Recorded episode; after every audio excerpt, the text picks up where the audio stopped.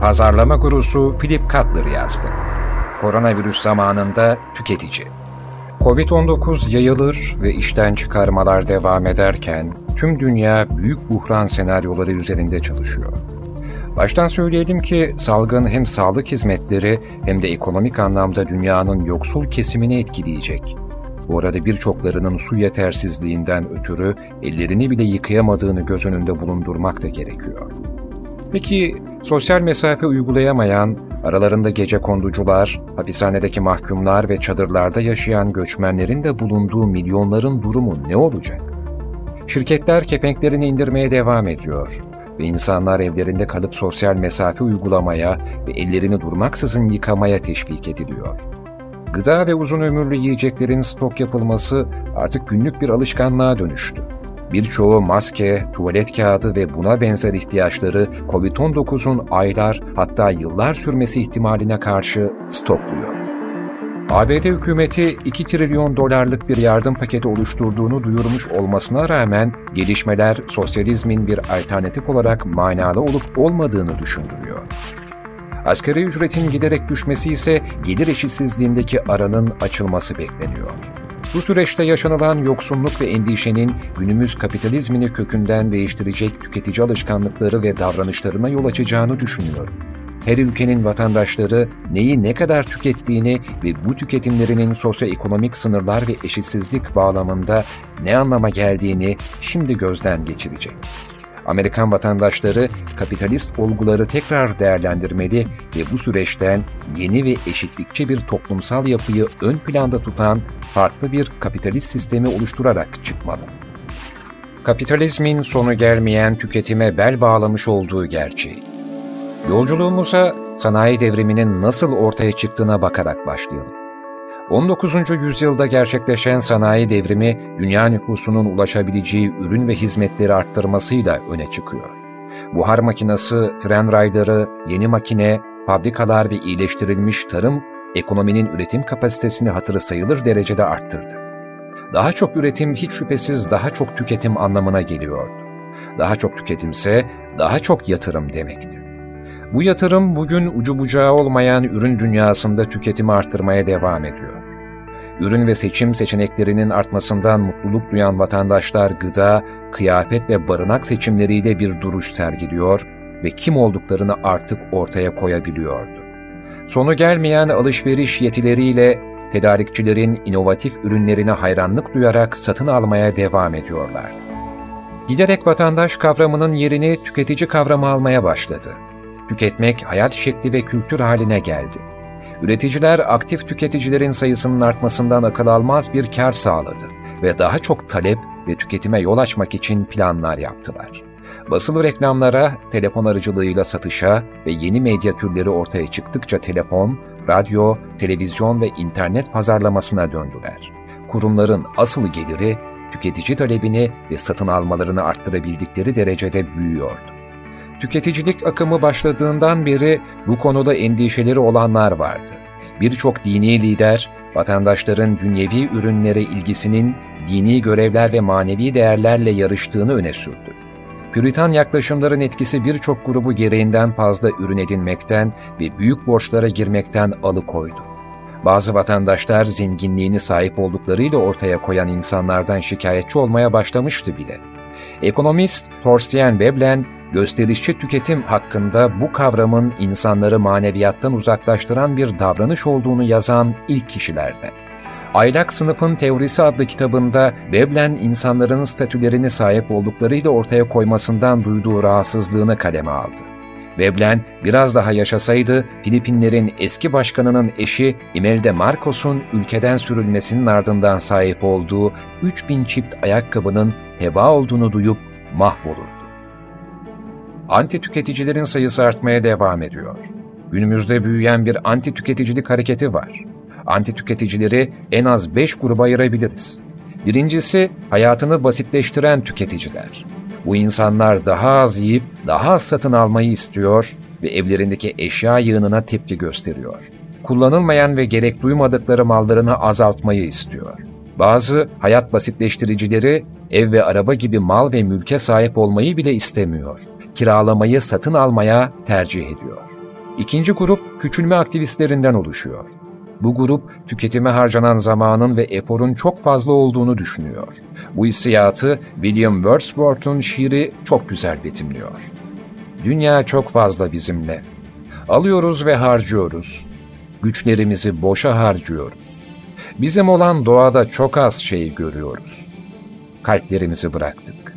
Ne sefil bir rahatlık. Küçülme aktivistleri tüketimin dünyanın kapasitesini aşacağından endişe ediyor. 1970'te dünya nüfusu 3,7 milyarken 2011'de bu sayı 7 milyara çıktı. 2020'de ise dünya nüfusu akıl almaz bir 7,7 milyara ulaştı. Birleşmiş Milletler 2050 yılında dünya nüfusunun 9,8 milyar olacağını öngörüyor. Buradaki kabus dünyanın bu kadar insanı besleyemeyecek olması. Tarıma elverişli topraklar sınırlı ve en iyi toprağın kalitesi de düşmeye devam ediyor. Okyanuslarımızın pek çok yeri deniz canlılarının yaşayamayacağı derecede ölü. Bu gruptaki insanlar gelişmekte olan ülkedeki nüfusun gelişmiş ülkelerdeki toplumların hayat standartlarına erişmeye çalışmasından endişeleniyor. Ki bu zaten imkansız bir gaye. Hissettikleri asıl şey açgözlü üreticilerin yanlış ve sürdürülebilir olmayan ihtiyaçlar yaratma konusunda ellerini ardına koymamalarından duydukları endişe. Üçüncü grubu iklim aktivistleri oluşturuyor. Bu grubun üyeleri insanların yüksek miktardaki satın almalarıyla dünyamız üzerindeki karbon ayak izlerini büyütüp havayı ve suyu kirleteceklerini öncelikli endişeleri olarak belirtiyor. İklim aktivistleri doğaya ve bilime büyük bir saygı duyuyor ve gezegenimizin geleceği hakkında samimi kaygılar besliyor. Dördüncü grupta ise hayatlarına vejetaryen ve vegan olarak devam eden gıdalarını akılcı seçenler var. Besin elde etmek için hayvanları öldürüyor olmamızdan dolayı rahatsızlar. Herkes bitki, sebze ve meyvelerle yeteri kadar besini alabilir. Hayvancılıkla uğraşan insanlar daha çabuk ürün ve gelir elde etmek için ineklerini ve tavuklarını şişmanlatıyor. Oysa inekler ürettikleri metan gazıyla daha yüksek sıcaklıklara, buzulların daha hızlı erimesine ve şehirlere sel basmasına neden oluyor. Ürüne dönüşecek hayvanları hızlı büyütme gayesinde harcananın yanı sıra 1 kilogram sığır eti üretmek için 15 bin ila 20 bin litre su tüketmek gerekiyor. Beşinci grupta ise muhafaza etme aktivistlerini görüyoruz. Bu insanlar var olan ürünleri yok etmemeyi ve tekrar kullanmayı, tamir etmeyi, yeniden tasarlamayı veya ihtiyacı olanlara vermeyi anlamlı buluyor. Muhafaza etme aktivistleri Zara gibi her iki haftada bir sadece iki hafta boyunca moda olacak kadın giyim serileri üreten markaları eleştiriyor ve modası geçme, eskime kavramını olduğu gibi reddediyor lüks sektörüne karşı nefret duyan bu grubun büyük bir kısmını çevreciler ve anti-globalciler oluşturuyor. Antik tüketicilik hareketi aynı zamanda bir edebiyat akımının kıvılcımını da yaktı. No logo, logo yok. The changes everything. Bu her şeyi değiştirir. Ve The Shock Doctrine, Şok Doktrini adlı kitaplarıyla öne çıkan eleştirel isimlerden biri Naomi Klein. Bu konuda daha fazla bilgi edinmek için Mark Achbar ve Jennifer Abbott'un The Corporation, Şirket adlı belgeseline göz atabilirsiniz. Şirketler tüketici duyarlılığını nasıl sürdürülebilir kılıyor? Kurumların birçoğunun asıl geliri tüketimin giderek daha kapsamlı ve aşırı olmasına bağlı. Tüketimi arttırmak ve marka sadakatini arttırmak için üç disipline dayanıyorlar. Birincisi, ilgi çekici yeni ürünleri üretmek ve müşteri ilgisini satın almaya çevirmesi için inovasyon. İkincisi, tüketicilere ulaşmak ve belli bir ürün için taleplerini arttırmak için pazarlama.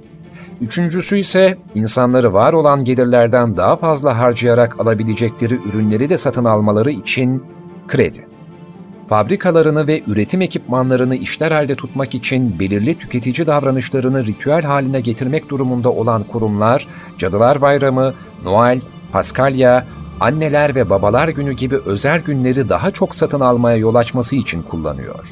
Şirketler ürünlerinin sadece satın alınmasını değil, çabucak tüketilmesini, bozulmasını, değer kaybetmesini ve böylece bir sonraki ürünlerine talebin hızlı oluşmasını istiyor. Kurumlar mutluluk ve iyilik sağlayan olmazsa olmaz ürünleri sattıklarını gözler önüne sermek için reklamları kullanıyor. Tüketicilerin hayatına yeni bir anlam getirebilecek markaların yaratılması zaten var olan ürünlerin tekrar tasarlanmasıyla oluyor. Marka seçimi artık ihtiyaç karşılamakla sınırlı kalmayıp insanların kim olduğunu ve nelere değer verdiğini de ortaya koyan ifadelere dönüşüyor. Anti tüketicilik kapitalizmi nasıl değiştirecek? Kapitalizm devamlı ve sonu olmayan büyümeye adanmış bir ekonomik sistem. Kapitalizmin ortaya koyduğu iki varsayım bulunuyor. Bunlar, bir, insanların onları daha fazla ürüne sahip olmaya iten sonsuz bir iştahı vardır ve iki, dünya sonsuz büyümeyi sağlayabilecek sonsuz kaynağa sahiptir. Bu iki varsayım özellikle günümüzde sorgulanmaya başlandı. Öncelikle insanlar durmadan tüketmenin getirdiği bir bıkkınlık ve doymuşluk haline girmeye başladı. İkinci önemli faktör ise dünyanın kaynaklarının da sonu var ve dünyevi ihtiyaçları durmadan artan ve giderek büyüyen bir dünya nüfusunun taleplerini karşılamak imkansız. Şu ana kadar birçok ülke ekonomilerinin ahvalini ölçmek adına sadece bir faktörü dikkate aldı. Gayri safi yurt içi hasıla. Gayri safi yurt içi hasıla bir ülkede bir yıl içinde üretilen ürün ve hizmetlerin değerini yarattığı ekonomi doğrultusunda ele alır. Ancak ölçmediği şey gayri safi yurt içi hasıla büyümesinin insanların mutluluğu ve esenliğiyle doğru oranda artıp artmadığıdır. İşçilerin gereğinden fazla mesaiye kalarak çalıştığı bir düzende gayri safi yurt içi hasılanın her yıl yüzde iki ila üç büyüyeceğini öngörebiliriz. Ancak bu insanların yılda sadece iki hafta izni olduğunu, serbest zamana ve dinlenmeye ayırdıkları vaktin oldukça kısıtlı olduğunu beklenmeyen sağlık problemlerinin tedavisini ödemek için ekstra strese girdiklerini ve çocuklarını bırakın üniversiteye, liseye dahi gönderemeyip düşük potansiyelli bireylerin ebeveynleri olduğunu göz önünde bulundurmak gerekir. Çocukları üniversiteye gitmeyi başarsa bile mezun olduklarında yanlarına diplomalarının yanı sıra yıllar boyunca ödemeleri gerekecek ortalama 1,2 trilyon doları bulan borcu da aldıkları bilinen bir gerçek. Bu borç, yeni mezunların ev veya mobilya alımlarının önüne geçmesinin yanı sıra evlenmelerini de imkansız kılıyor. Bu durumda gayri safi yurt içi hasılanın arttığını söyleyebiliriz ancak ortalama iyilik ve mutluluk hatırı sayılır oranda düşüyor. Ekonomik büyümenin etkisini ölçmek için yeni kıstaslara ihtiyacımız var. Bazı ülkeler artık gayri safi yurt içi mutluluk veya gayri safi yurt içi iyilik gibi ölçümler oluşturmaya başladı. İskandinav ülkelerindeki mutluluk ve iyilik oranlarının ABD'dekilerden yüksek olduğunu ve aynı zamanda iyi ekonomilere sahip olduklarını biliyoruz. Tüketime olan bağımlılığımız bizi tüketiyor mu? Ekonomik büyümeyle ilgili en büyük problemlerden biri kazançları eşit şekilde paylaşılmıyor olması. Bu, ABD gibi milyarderlerinin de yoksul işçilerinin de sayısı giderek büyüyen bir ülkede kolaylıkla görülebiliyor. Birçok CEO'nun maaşı ortalama bir çalışanınkinin 300 katıyken bazılarınınki 1100 katına kadar çıkabiliyor. Kurumlar işçi sendikalarını işlevsiz bırakmakta ve işçileri kimin ne kadar maaş alması konusunda sessiz hale getirmekte özellikle başarılı. Bazı milyarderler dahi maaş eşitsizliğinden rahatsızlık duyuyor. Bill Gates ve Warren Buffett, besin zincirinin en tepesindekilerin gelir vergilerini arttırma konusunda açıklamalarda bulundu. Bu vergi 2018 vergi reformuyla %37'ye düştü. Bu sırada zengin vatandaşlarının %70'lik bir vergi ödediği İskandinav ülkelerinin ekonomileri ücretsiz sağlık hizmetlerini ve üniversite eğitimini sağlayıp aynı zamanda büyümeye devam edebiliyor. Milyarder Nick Hanauer, TED konuşmasında diğer milyarderleri isyanın yaklaştığına dair uyardı milyarderlerden işçi sınıflarına daha yüksek maaş vermelerini ve onlarla karın daha büyük bir kısmını paylaşmalarını söyleyen Hanoer, herkesin yeterince beslenebilecek, kiralarını ödeyebilecek ve emekli olunca biriktirdikleriyle rahat edebilecek kadar kazanması gerektiğinin altını çiziyor. Günümüzde erteleyemediği bir borcu ödemek için 400 doları bir araya getiremeyen işçilerin sayısı çok yüksek. Kapitalizm de COVID-19 krizini yaşıyor. Kapitalizmin değişecek olmasının nedenleri saydıklarımla sınırlı değil. Eğer daha fazla tüketici anti tüketicilik akımına katılmaya karar verirse harcanan para azalacak. Tüketicilerin harcamaları ekonomimizin %70'ini karşılıyor. Eğer bu oran düşerse ekonomimizin boyutları da daralacaktır. Ekonomik büyümedeki yavaşlama daha çok işsizliğe yol açarken, yapay zeka ve robotların iş dünyasına girmesiyle birlikte son durumu öngörmek zorlaşıyor. Bu, kapitalizmin işsizlik sigortalarına, sosyal güvenliğe, yemek kuponlarına, halk mutfaklarına ve sosyal yardıma daha çok yatırım yapmasını gerektirecek. Kapitalizmin para basması gerekecek. Bu kanıya Amerikan Kongresi'nin salgın karşısında işçilere verilmek üzere 2 trilyon dolar basmak kararından hareketle varabiliriz ve bu 2 trilyon dolar sadece kısa vadeli bir kurtarma çabası. Trilyonların harcanması gerekeceği geleceğimizde kasa açıklarını kapamak için vergiler yeterli olmayacak ve bu yüzden gelir vergisinin artırılması gerekecek. Zengin kesimin hayatları genelde yoksul kesimin yaşadığı zorluklardan etkilenmez. Ancak zaman zengin kesimin daha çok ödeyip paylaşmasını gerektiriyor. Covid-19 kriziyle CEO'lar ve yönetim kadroları maaş kesintileri yaşıyor. Boeing'in yönetim kurulu örnek alınması gereken bir karar olan kriz sürecinde maaş almayacaklarını açıkladı. Covid-19 krizi sona erdiğinde kapitalizm yeni bir aşamaya geçmiş olacak. Tüketiciler neyi ne kadar tükettikleri konusunda daha akılcı olacak. Yakın gelecekte karşılaşabileceğimiz birçok gelişmeyi ise şöyle sıralayabilirim. Finansal anlamda daha zayıf olan şirketler ve markalar yok olacak. Tüketiciler güvenilir ve tatminkar markalar bulmak durumunda kalacak. Koronavirüs sağlığımızın ne kadar hassas olduğunu fark etmemizi sağlıyor. Kalabalığın içinde kolaylıkla grip kapabiliriz. Selamlaşırken tokalaşmayı bırakmalıyız. Daha sağlıklı beslenmeli ve bakterilere karşı daha sağlam durmalıyız. Sağlık sistemlerimizin yetersizliği ve maliyeti karşısında şaşkın haldeyiz. Hastanelerin dışında kalmak adına aksiyonlar almalıyız. İşlerin ani kaybı işçiler mesleklerine döndüklerinde dahi travma olarak kalacak herkes parasını daha dikkatli harcayıp daha çok biriktirecek. Evde kaldığımız bu süreç tüketicileri kendi besinlerinin üreticileri haline getirdi. Sosyal medyayı ailelerimizi ve arkadaşlarımızı iyi ve sağlıklı besinler seçmeye ve kıyafetlerimizin de aralarında bulunduğu ürünleri daha sürdürülebilir alternatiflerden tercih etmeye teşvik edeceğiz. Markaların sosyal amaçlarını daha net ortaya koymasını ve herkesin iyiliğini öncelik haline getirmelerini isteyeceğiz.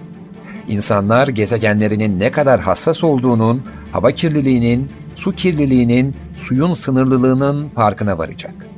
İnsanlar iş, aile ve serbest zamanları arasındaki dengeyi daha dikkatli kuracak. Nüfusun büyük bir kısmı dünyeviliğe olan bağımlılıklarını bir kenara bırakıp iyi bir hayat yaşamak için alternatif yollara başvuracak. Post tüketicilik zamanı başlayacak. Etkili bir ekonomik büyüme göz önünde bulundurulduğunda kapitalizm en efektif sistem olmaya devam ediyor. Anlaşılmayan, kapitalizmin eşitliği ön planda tutan bir ekonomik büyümeye de hizmet edebileceği. Zengin kesimin vergilerini arttırdığımızda kapitalizm bir anda sosyalizme dönüşmeyecek. Zenginlerin zenginleşmeye devam edince yoksul kesimin kazandığını öne süren yanlış ekonomik doktrini bir kenara bıraktık. Aksine zengin kesim işçi sınıfının daha çok harcamasına olanak sağlayarak zenginleşecek. Koronavirüs krizinin bize gösterdiği zengin veya yoksul kesim fark etmeksizin sağlık sisteminin güçlü olmasının herkese iyi geleceği oldu. Kapitalizmi yeniden ele alıp eşitliği ön planda tuttuğumuz, demokrasi ve sosyal adaletin temelini oluşturduğu bir formül bulmalıyız. Ya İskandinav ülkeler gibi paylaşımcı olmayı öğreneceğiz ya da bir muz cumhuriyetine dönüşeceğiz. Unutmamamız gereken hepimiz bu süreçte birlikteyiz.